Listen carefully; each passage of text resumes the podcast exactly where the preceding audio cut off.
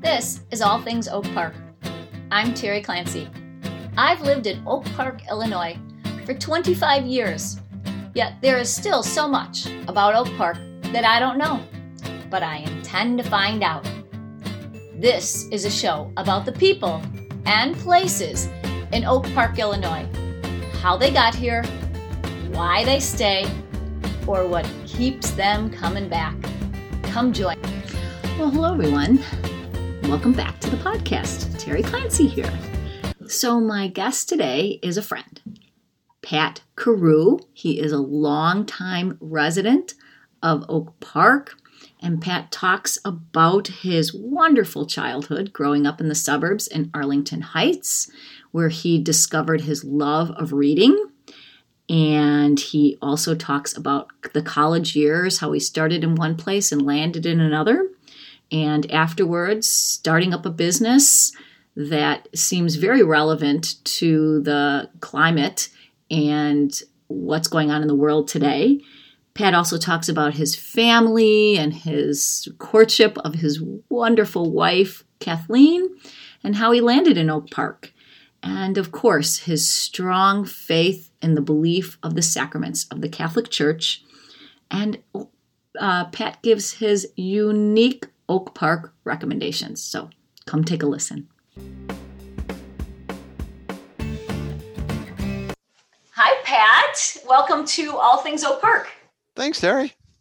So, uh, as you may know from listening to the podcast in the past, I like to start at the beginning, but just um, kind of a quick one or two sentence um, summary of what your profession is right now, and then we will start back with the early days.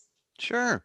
I I own a company called Enerstar, and we're an industrial water treatment company, and we also do um, we have uh, Internet of Things technology called Knowledge that we're we're uh, developing to allow people to uh, monitor things remotely through a cellular uh, through the cellular system and an app. But our main business is providing uh, corrosion inhib- inhibition and scale prevention for um, industrial facilities. Okay, well, we'll get into that in a bit. that I got a little unpacking to do with that description. But um, you, so were you raised in Illinois or did you live someplace else? Oh, I grew up in Arlington Heights. I, I okay. went to uh, uh, Buffalo Grove High School and what was that an experience of? A, is that a big high school? Yeah, there, it was not as big as OPRF. I had uh, about 600 kids in my class, so it was it was a fairly large school. But um, well, let's go back a little bit more. So back to the childhood. How many kids were in your family? I have uh, two brothers and a sister. And where do you fall? I'm, I'm the oldest of the four. Oh, you're the oldest. Okay. And during grade school, did you guys were you all close together in age? Were you kind of raised in a, a kind of a busy household with all those kids? Oh, uh, my sister is 15 years younger than I am, but my two brothers are close in age, and uh, yeah, we we did everything together. We we played. My mom wouldn't let us go out until eight o'clock to play baseball, and then we'd play baseball all day with our neighbors. We had a great block, uh, guys we still hang out with and are friends with, and uh, you know, it was a a subdivision. Um, and uh, it was it was a beautiful childhood. We had a great school, went to public school, and um, yeah, and there were some so many great things about it um, that I've looked for uh, for the rest of my life. And one of them is um, it was very egalitarian uh, in the sense that subdivisions from the outside they seem weird, but from the inside, it's everybody has the same mortgage who lives there you know? Mm. houses have the same value so everybody does the same math so everybody's household income is very similar. Oh so, so growing up we never talked never once talked about somebody being rich or somebody being poor. We all had the same uh, financial resources. Really? Yeah. there wasn't any like biggest house on the block kind of thing? No, there never. It was a subdivision. You know, there was five models of homes, and they were all within the same price range. They were all on the same lots. So yeah, it was it was um, very uh, egalitarian in the sense that everybody had the same resources. So um, it was it was It's like living in a socialist country. it was it was, but you know we had better stuff, you know.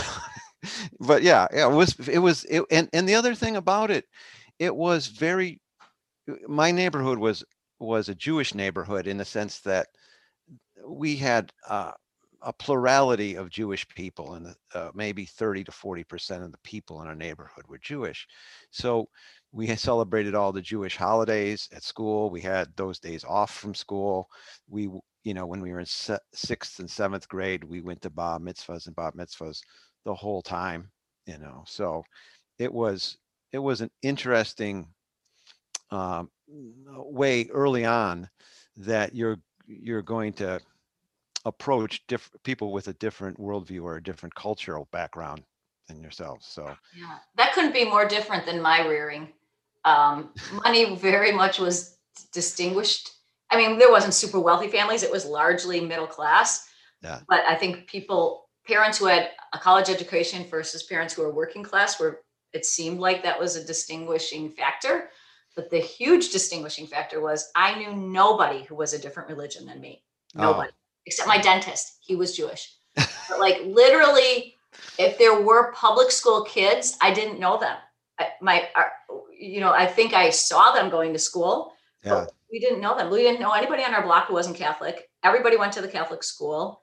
It was, yeah, no, not a single person was Jewish that I even met until I probably didn't meet beyond my dentist. I did not meet somebody Jewish until I graduated college. yeah. Isn't that so That- different? That, that is very different because I just remember, you know, the um, so a lot of the people who had settled in in my subdivision uh, in north north part of Arlington Heights and the subdivisions around me were the children of the first generation who had settled in Skokie. So people moved to Skokie and then their children settled in Arlington Heights and Buffalo Grove, you know. And so uh, their commitment to their faith was always inspiring you know and i was in ccd and it was nothing compared to what these kids were doing in temple i mean learning a whole nother language and all this Oh, right. stuff- and all this kind of stuff so the, the, Yeah, I love Jewish tradition. If I wasn't Catholic, I think I'd be Jewish. the profund the, well the profundity of their um of their commitment um uh, was inspi- it inspired me as a child. It was I just I remember some you know like after school who's going to temple and where you know the, that's what they called it at the time for their religious lessons after school. And I just remember you know those days where moms would um, carpool their kids to to the different synagogues after school for temple, and that's where they get their religious instruction. So, and uh, it was a huge part of their life, their households, everything, you know. So and um, you know, and so it was it was not multicultural. It was kind of like bicultural. There was two cultures, but it was um it was a beautiful experience and, and inspiring. It inspires me to to this day. Well, that's great. And so, did you delve more into your faith as a result of seeing them delving into their own? Yes, th- thanks for yeah, exactly. When when when I I remember going to you know there are different types of uh bar and bar mitzvahs. Um, some were very secular in the sense like I remember uh, my friend Mitzi Rut- Rutzenberg had hers, and um, there was disco dancing. The mom had a uh, dress with spangles on, and you know it was just like crazy. Uh, and um, each of the phone, each of the uh, tables had a phone that you could call the other tables. And this is like oh, that's 1979, fancy. yeah. And so you could call the other tables because Mitzi liked to talk on the phone. You know, so you know, so you had those kind of events, but then you had ones where, you know, uh, I remember my friend Steve Kahn. You know, he had memorized all this beautiful Hebrew, and he was, you know, doing the readings, and it was just like I was like, and, and it was that his whole outlook, you know, was being shaped by this, and um, so yeah, I, I felt like after going through that period in, in my high school, I was like, I really want to take what I have in in my Catholic faith more seriously. Yeah, I love also love the idea that they get to get that invitation to go to Israel when they Mhm. have their bar mitzvah. I don't, I don't know if every kid takes them up on it, but it seems like a lot of them do. Yeah, And that would be really yeah, fun. it's it's it's a Somebody to invite thing. me to go to Rome. I know exactly, exactly. Well, I guess no, we'd be going, perhaps we'd be going to Jerusalem. I- You know, I don't know. Where would, where would we go? Um, anyway, okay, so high school, were you a sporty guy or a studious guy or a nerdy guy or what kind of guy were you? Uh, well. I, I, uh, we had a good basketball program, and uh, I was, I was in the basketball uh, program. I was not very good at it, as, as the uh, St. Giles Retreads could probably attest. But, um, you know, I enjoyed. I played basketball all the time. That was my main thing. And, um, but then my my best friend uh, growing up, his he had. He's one of seven and his six sisters were very literate and um, they gave me a lot of books. They uh, and some of them uh, they've gone on to be writers and things like that and they gave me a lot of books. Their dad worked for uh, britannica at the time and he gave me a lot of books. So around uh, the time in high school is when i started to read in, in the great books tradition and uh, Oh. mainly because of my relationship with my friend frank and his his his sisters his and his his mom and dad who were uh, very educated uh, and, and into the whole Western literary tradition. So And is there a great book that you really liked in high school? I had uh, Plato's Republic um, was given to me when I was in high school, and I read that, and so that was kind of one of the books that inspired me to eventually pursue the humanities when I was in college. So you eventually wound up at U of C, but you didn't start out there, right? No, I, I started out at the University of Illinois, um, in Champaign. Uh, It was at the time it was the best best school that I could get into, um, and then I moved over to University of Chicago. So was that the plan all along to transfer into the U of C or was it some, It was the transfer. you I, were I back. wanted. I, I- I mean, the University of Illinois, as you know, I mean, it's a fantastic school. It's it's it's it's it's a great school, but uh, I wanted a school that was um, committed to the humanities. oh, okay. that that's what I wanted. So I figured if I could, I wasn't the best student in high school. So I figured if I could do well at the University of, of Illinois, then I could, I could get into a school where the humanities were at the core of the experience. And it worked out that way. Yeah, my dad went to U of C. Did you know that? Yes, I know. And, and he was also in, he was also in the water business after, after. Yeah, So my yeah. Dad and I have a lot of parallels. Yeah, he was not in the humanities though. He was a science guy, so he was a physics major. He would have been an engineering major, but they didn't have an. Do they even have an engineering school now? I don't know. No, no. Yeah, so he was a physics major, but he always talked about the Woodlawn Tap. Did you go there? Yeah, very- yeah, yep, yep. Yeah, so your dad and I shared a college, um, and then we shared uh, similarities in our career, and we we certainly shared respect for you. So That's so nice. Okay, so you're now, so you go to college with this humanities intention and you graduate with what degree? I, a degree in European history. Okay, so that is really marketable for what? Well, um, i- well, a couple of things. I mean, one is it like it like European history, and and it's it's a great major. uh, History is a great major because you know you had a quarter, uh, ten weeks where you had to come up to speed in say Russian history, and you had to be giving quality presentations, papers, and talks to someone who's a tenured professor in that field at an elite university. And so you have to learn how to come up to speed in the politics of the Russian Revolution or something. And but that translated well into business. I mean, you know, my particular business is is a niche thing. I just had to come up to speed in it, you know. So I did the same things for my business that I did when I was studying the humanities. You know, read the read the books, follow up the footnotes and the bibliography, and read more, and be able to give quality talk presentations. You know, be communicative about the topic.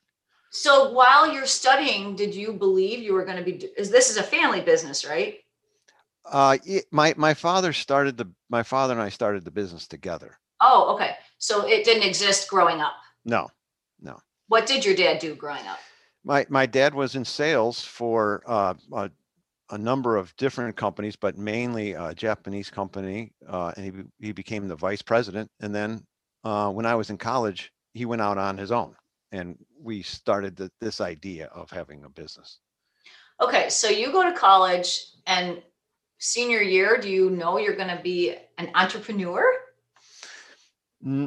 I thought I was going to be a priest, and uh, but I wanting to be a priest doesn't fulfill your uh, college loans. So between uh, you know fulfilling, I needed to pay back my college loans, so I needed to get something to bring in money as I pursued whether or not I was going to go into the priesthood.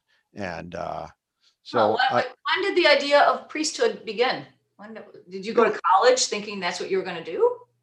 uh, during college you know i mean i mean you know it was it was it it after college it it it i had to make the decision i mean i when i was in college i didn't think i was going to be a priest but i didn't discount the possibility of it Hmm. Okay, so now you graduate and you're thinking of going to the Big Sam. Is that what they call Yeah. it? yeah i was going to go i that's what i was you know i was i had a i had you know a, I, basically you know when i when i was in college i met kathleen my wife you know she was my she was my professor and i had a huge crush on her i mean just i, st- I still do to this day but um That's nice to hear. I hope But- she listens to this. but um so uh you know uh, when you're uh 21 years old and you're in love with your college professor you know you don't think there's ever going to that's ever going to happen so because i didn't i thought well you know if that won't happen i'm going to be a priest you know so i pursued it but ultimately Usually not the married. exact decision people make, like, okay, college professor or priesthood. It usually isn't just all or nothing like that, Pat. Uh, this was all yeah this was kind of that because they both they're both sort of different paths yeah but you know then it uh, you know it, it, um kathleen and i started hanging out and going out and uh that made a decision for me and did she know she was competing against the church? yeah Wow, that's that's tough competition, man. Or maybe not. I don't know. no, no no no, it wasn't for her um, okay, so you graduate and are you working something to pay the bills before you start working in no i was i went into this this right away. business? but it was a small you know it was just my father and uh, another gentleman who was our partner. It was just the three of us. And uh, so i started working in this and thinking well is this what i want to do long term? Or do i want to do something you know become a priest and then i started with dating kathleen and that decided it wait, so let, let's wind back a little bit. So you start the business or you work in a business that does the same work? uh, no i we start the business Okay, so how come this business? Like a European history teacher, I would think like maybe you start a tutoring business or something. Oh no! So it's funny because so, uh, as a, so what my my father had started this company that did basically at the time we were doing all he was selling all sorts of energy efficiency products, and um, he and his business partner were into energy efficiency. And then when they started to sell a couple of those, they realized there could be a residual business of taking care of that equipment by taking care of the water that's used for the cooling and the heating in these processes. So So the equipment is like one that doesn't allow you to take a full shower, like a water. Uh, no, this would be like in a factory to cool the factory. Oh, okay. You know, they'll they'll they'll run water through the machines, and then the water will go outside and evaporate the heat off into the atmosphere, and then come back in and Oh, okay. I get it. So they would sell the the the the energy efficiency for those type of devices, but then the water needed its treatment. So I just went back to the library like I would for a class in French history or something, and um, uh, studied it, and then Okay. went out and practiced it. Went out and did it. And so, how long ago was that? That was 1990. That was Oh, wow. 30 years. Okay. And so, you've been doing this same thing for 30 years? Yeah. And what's changed? Everything? Nothing? Well, it's if uh, some things have, you know, uh, some things have changed in the sense that there's more focus on water conservation, and uh, we were able to uh, get some technology that helps these type of systems do water conservation, and then there's more a focus on digital information gathering. You know, so we've got some technology that helps people to gather that information and keep it in one place. But the basics of it, yeah, chemistry, the pH, and the bacteria counts and rust those are basics you know so. So is this like and are you a man before your time of being you know energy and um you know what's what's the term that i'm totally blanking on that everyone wants to do nowadays? Sustainability?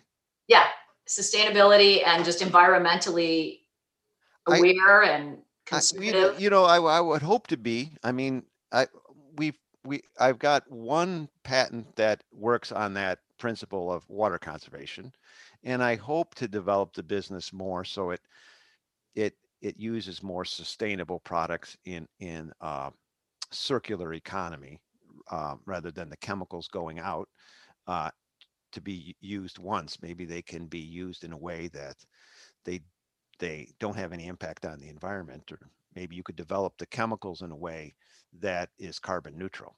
Um, mm. So those are those are passion projects of mine. But right now, it's really um, the water conservation and uh, the the, the um, information technology part of it are what we focus on. Okay, so how many employees are there in your company? Six.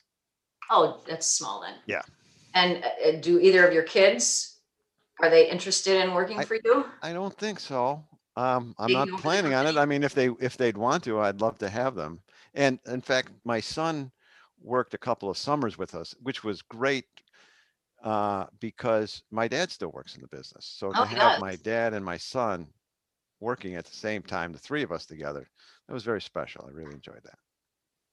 So, um, okay, and the business has grown or you kind of are like what's next for the business? What is there another level you're trying to reach before? Um, well, yeah, there's two things. I mean, we could grow the core business, which is, uh, you know, the service that we do to our customers. And then we also have, we've developed a particular Internet of Things platform that we, that we hope to spin off and to put into other fields that allow people to gather data uh, um, over the cellular system onto an app that's very easy to use. So, so that that product could could grow for us, and we we hope it will.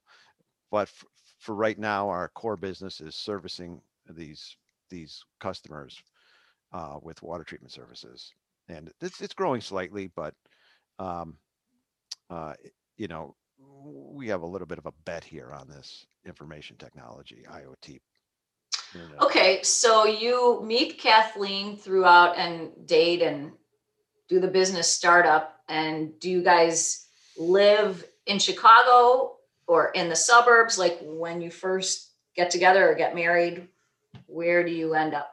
Well, um, so just to backtrack, I mean, I uh, when I was in Chicago, I was taking Greek, and I wanted to read, you know, read the New Testament, and all, but Of course you I- did. I, I was, I was, I, I have uh, uh, dyslexia. I can't. Oh, my So- brother has that too. Yeah, so I, I find I discovered that later in my life, uh, but finally, my my professor said, you know, you can't do this. I, I had, I was studying 20 hours a week for my introduction to Greek course. And he said, you can't do it. So I figured I would take a, a language that had the same letters. And Give me a running start at it at least. So I took French and, you know, I just, I remember, you know, like the French professor walks in and I'm like, oh my God, it's that gorgeous woman from Mass. And I had seen Kathleen at Mass. Uh, it wasn't a lot of people at U Chicago that went to Mass. So you kind of got to know who those people were. I was like, Right. oh my God, she's my professor. And I mean, she was so charming and funny and is smart, funny, very funny. beautiful. Yeah. So, you know, So you fell madly in love with your professor. I did. And and then did she even know it?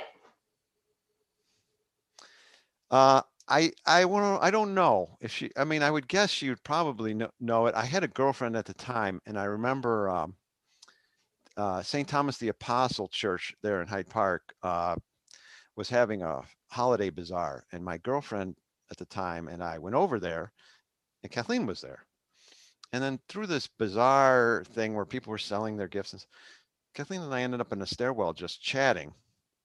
And uh Hmm, I my- wonder how that happened. and my girl my, my girlfriend uh, she uh, she comes up she finds me and then we're we're walking and she goes what's going on with you and professor mullaney and i'm like oh nothing. But yeah I, I- Uh-huh. and so um then w- later on um uh, maybe four years later i was in hyde park and i would go to the mass that we had attended there and i would study all day saturday for this new business that i was in you know i had to catch up. And then i would go to mass and so one day she's at that mass and it was the day she was defending her dissertation Ooh. and so after that she had gone to mass and so we're walking out of mass together and uh, she called me Patrick, which was my name in French class. And she goes, Patrick, uh, how old are you now?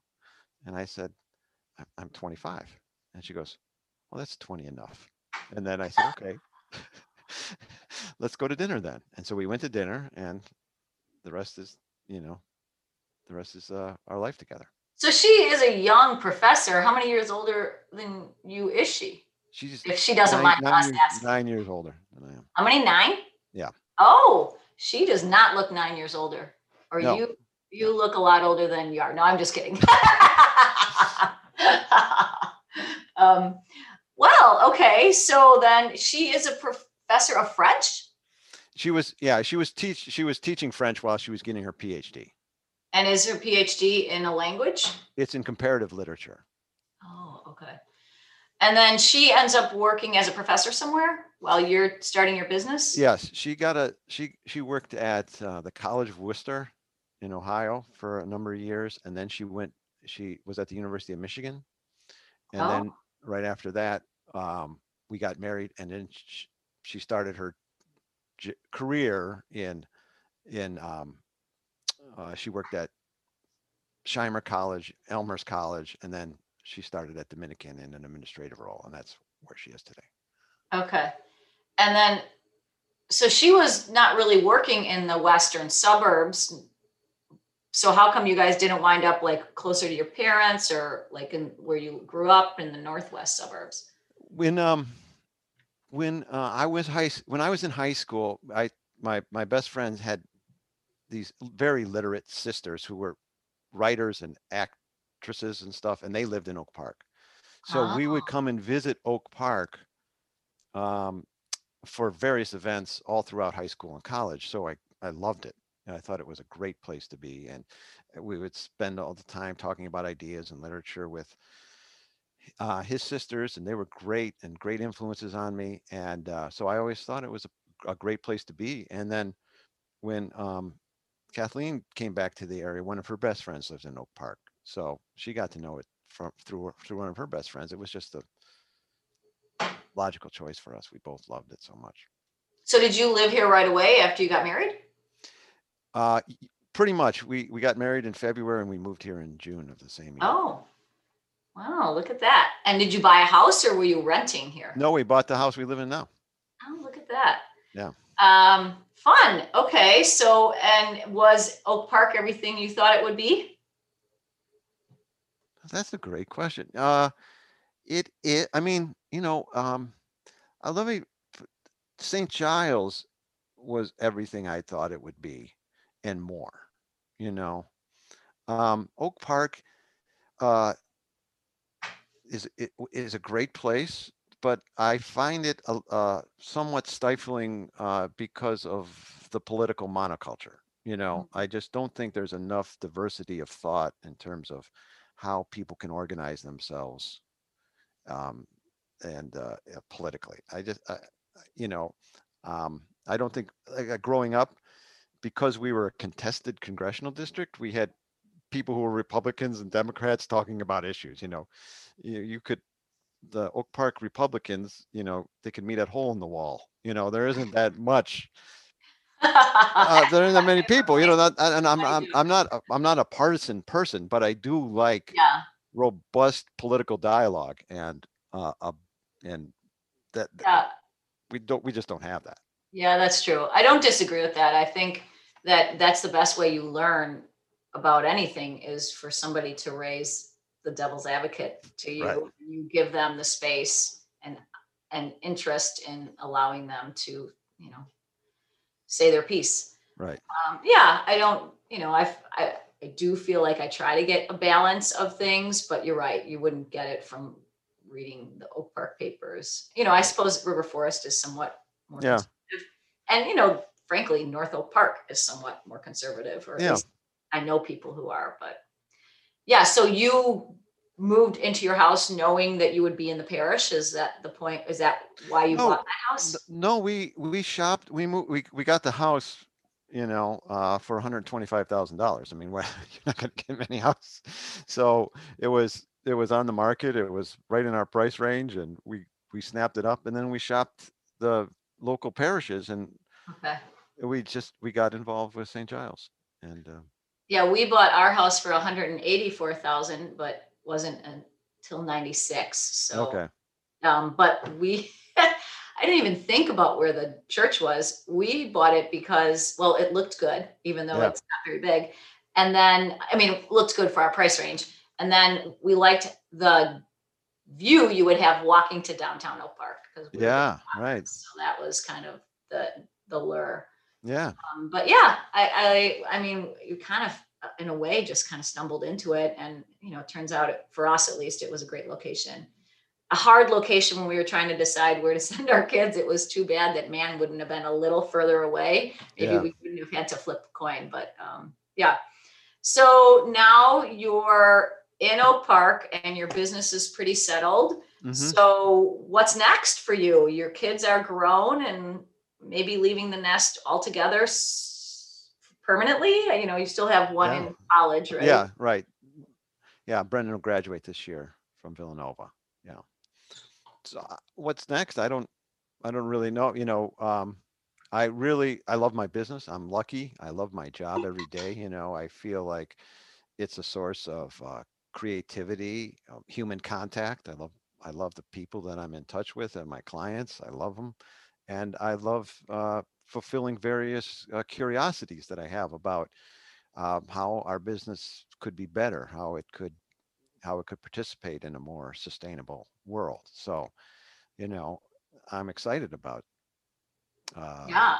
Well, you know, all that is helping your brain grow cells. Did you know that? Uh, hopefully, Sanjay boy. Gupta is a neurosurgeon and he wrote a book called Stay Sharp. I think it's called Stay Sharp. hmm Um, and he says that you know one of the ways to keep growing brain cells is to learn something new or look at something in a different way or just Right. operate life in a different way and so it sounds like that's what you're trying to do yeah, I mean, curiosity is is um, addictive, you know, and so I I try to keep my uh, uh, curiosity about things that most people would find pretty boring. I, I find them fascinating, and uh, so um, I have a set up a small corrosion inhibition lab in the basement where I'm trying to use more sustainable products for doing the various functions that we do out in the world. And I have a little lab where I work there. It drives so you're a mad crazy. scientist in your basement Yeah, yeah, yeah.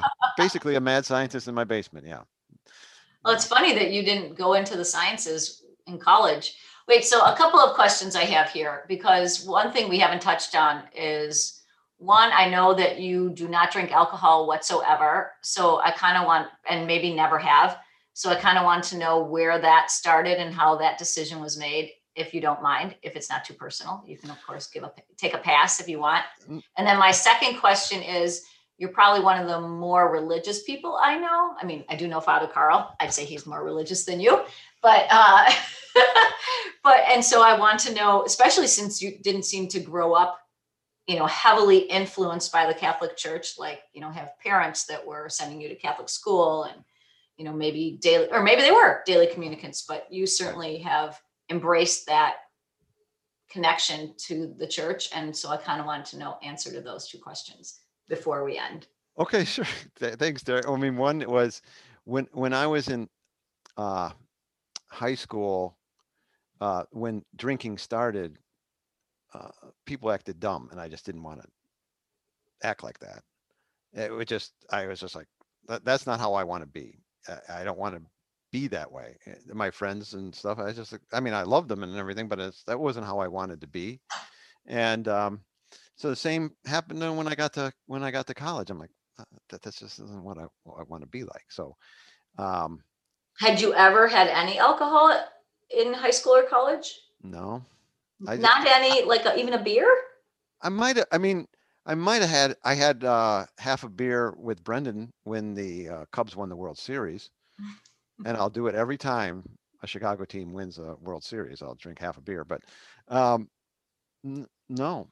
Uh, it was, it, I have a, I had, uh, my cousins had had alcoholism i- issues as even as teenagers and Okay. got in car crashes and things like that. And I thought, well, that's something I'd want to avoid. I, you know, that w- that shocked me as a young kid.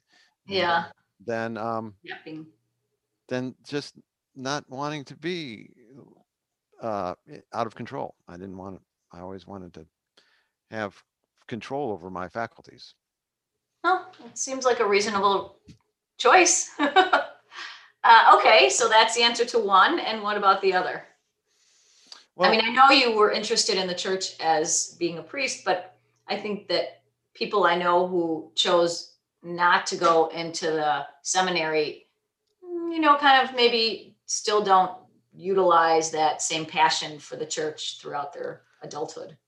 you know, uh, so my parents were very happy Roman Catholics. They they went to college in the early '60s, and they both uh, flourished under campus ministries that were embracing the Second Vatican Council.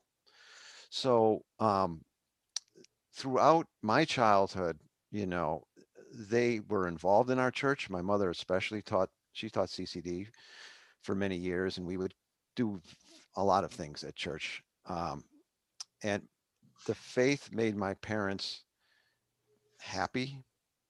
And we saw that as kids. And so, um, and they they didn't get caught up in the politics of the church, like who's right and who's wrong, or you know, being a right wing or left wing. That, that, that was never an, any part of their perspective, and it still isn't. Um, so, um, the the faith made my family work as a child, and um, so taking an evidence-based approach just on the evidence of my life, I thought this is something that I want to I want to embrace. When I was in college, you know, there was a lot of questions about the faith, but you know, at University of Chicago is it, you you pursue the truth regardless of its consequences.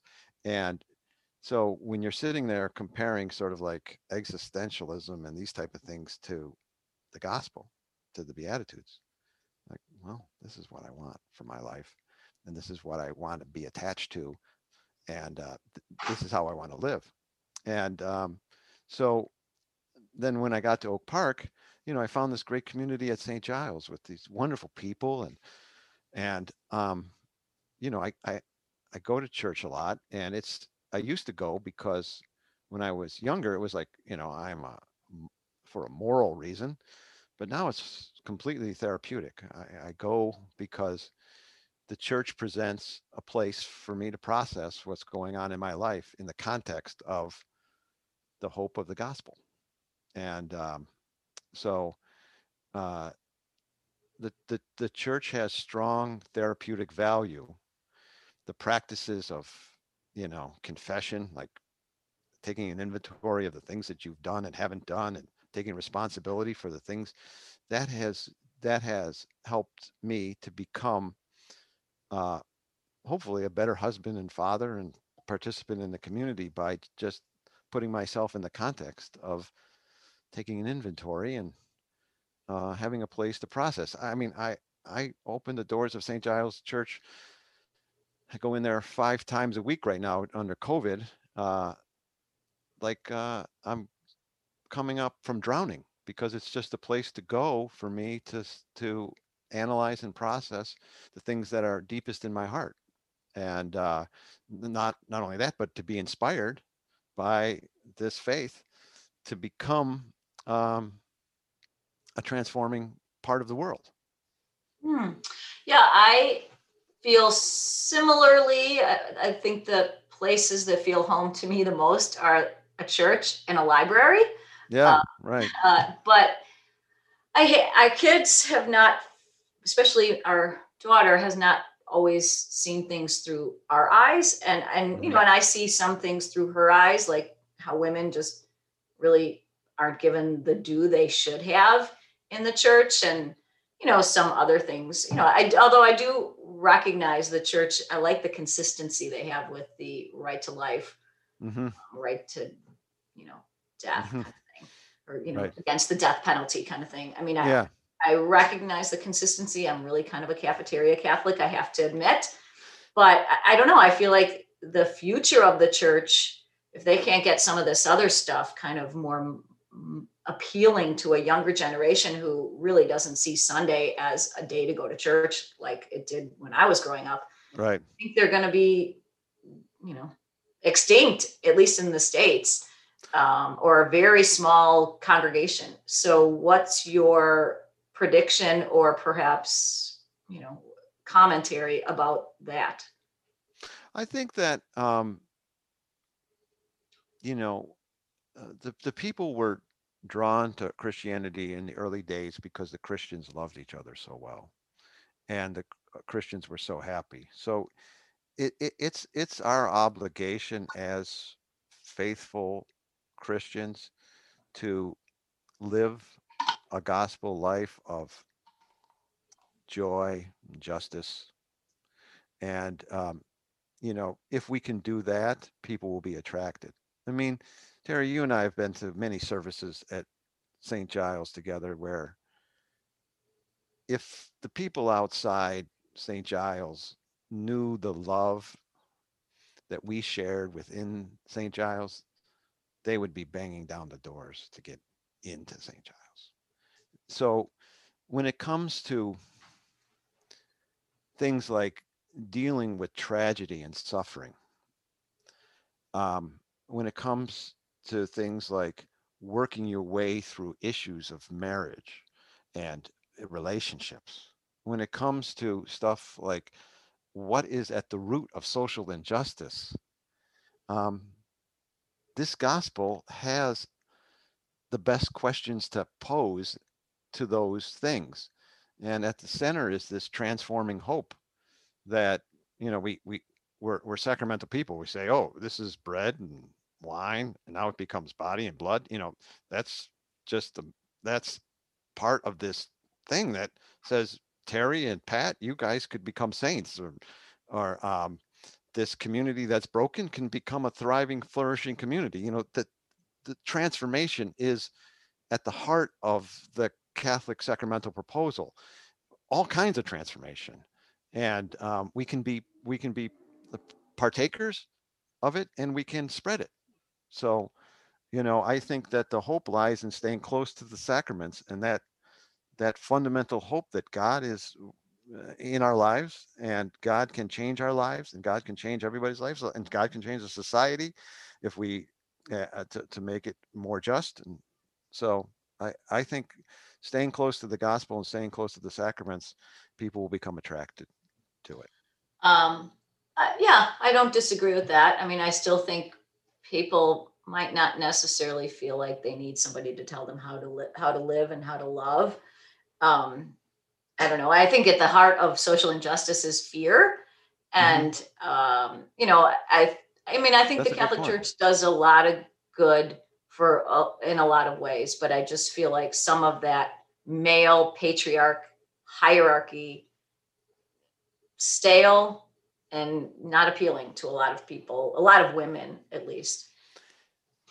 Well, yeah, you know, and and um, you know, uh, it's it's it's not for me to say. I mean, Kathleen's got a PhD. She's she's uh, found a way to have a a deep and meaningful relationship with the faith, given her fundamentally feminist perspective on things. You know, so there's a way to thread that needle where you don't necessarily um, give up on the idea of this transforming fire that God can be in your life and in history. Um, uh, and and um, you know, partic- it, it's a broken it, it's a broken church, but the church in its physical formation is not the gospel, and it's not the sacraments. Those are those are bigger things that um, participating in and partaking in can be life changing. Yeah. Ah, we're not going to solve that problem in this podcast, that's for sure. No. Um, okay, so we're getting down to the end. So I don't know if you know, I, I forgot to kind of remind you, but perhaps you know just from listening to the podcast in the past that I asked for three Oak Park recommendations, Right. um, whether it would be for somebody visiting for the first time or a long time Oak Parker. Um, do you have three? yeah, I wrote them down. Oh, good. Let's go. So the first one is to go to Taizé at Ascension. And I don't know if you've ever been to a Taizé at Ascension, Oh, but it's a maybe I haven't. I just didn't know it. It's it's well, it's a beautiful liturgical service that's inter-Christian. Uh, all types of denominations participate, but it's made up of just simple chanting songs that is there's a leader and then everybody in the congregation can follow these beautiful songs and then there's um, icons and uh, candles and a procession and uh, it's a beautiful service that uh, once COVID's over, I'm sure, I'm sure Ascension, which has incredible acoustics, would be a great thing for somebody to do. How often does that occur? And That's the first Friday of the month, okay. and then they'll occasionally alter it for Good Friday and New Year's. I think there's, you know, they'll they'll have a couple of alterations, but for the most part, it's the first Friday of the month. And uh, how do you pronounce or how do you how do you spell the? the T A I Z E, and it's it, it's a ecumenical community that's that started in France, and um, it welcomes people of of all Christian denominations to come. And there's no there's no homily, there's no um, collection. You know, there's not the. It's mainly just a place to participate in the aesthetic, the musical, and the beauty of what Christianity could be. wow, yeah, I'll have to check it out. Okay, that's number one. What's number two? Number two is the stained glass windows at Grace Episcopal Church on Lake Street. I don't know if you've ever been in there. Um, But it- no, I don't think I have. I've been You- outside you, you probably have seen it because it is the Catholic Church in the movie Home Alone, Oh, where he okay. when when he- Grace, that's Grace- where the um on Lake Street. You know, there are like four churches on Lake Street. yeah, it's on the it's on the it's right in the center on the north side, okay. right next to the library. Oh, okay. And that's they have the preschool. Is do they have a preschool? No, No, that's that's That's- First United. That's Okay. First United. So Okay. uh, Grace Episcopal um, is a beautiful interior, and they have um, famous stained glass windows that you know have the those deep, rich blues and azures, um, and uh, it's an amazing thing, especially when you see it when it's lit up by the sun. It's just absolutely Mhm. a gorgeous place to be.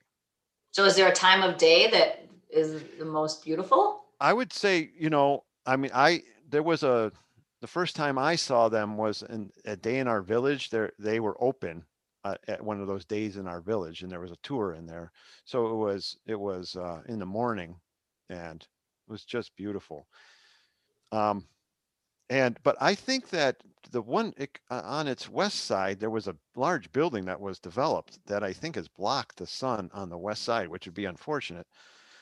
But it's a beautiful interior space, and those uh, stained glass windows are something you remember for the rest of your life. It's just beautiful. Okay, that's haven't heard either one of these, so this is good. Uh, and what's number three?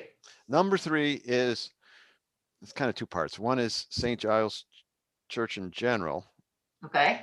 uh, and the the Stations of the Cross, which are around the sanctuary, at, at, are depictions of the last day, the last hour of Jesus's life and what happened. But they're not painted; they're made of stone. Each piece of cloth, each skin tone, everything is made of of, of marble, and the designer slowly crafted all these tiny marble pieces into these pictures. So um, you're it's it's it's a form of art that is not ver- not practiced very much, but the man who built it believed that who does the artist believed that it was his best work he ever had done and and our former pastor had said that his granddaughter had come to St. Giles from Italy to see her Oh, wow. his greatest work. So that's that's uh, one of the gems of being inside of St. Giles. And the second is on September 1st, which is actually the feast of St. Giles. It's also Chicago henge in the sense that the sun rises right at our latitude, at our level of latitude. So right at seven o'clock in the morning and, and during daylight savings time on Chicago henge day, which is like September 1st, 2nd, when this the, uh, the the rose window which faces east is illuminated by the rising sun and then the the the red rose red beams shine on the gold plating all around the in- interior of the church and illuminate it like it's in heaven. You'll stand there for the, the 10 minutes that it lasts and you feel like you're transported into another world. And it you know it's, it's a space that we're familiar with but just because the sun rises right through our rose window that day and we have plated gold throughout the western portion of our sanctuary that gold takes on the red.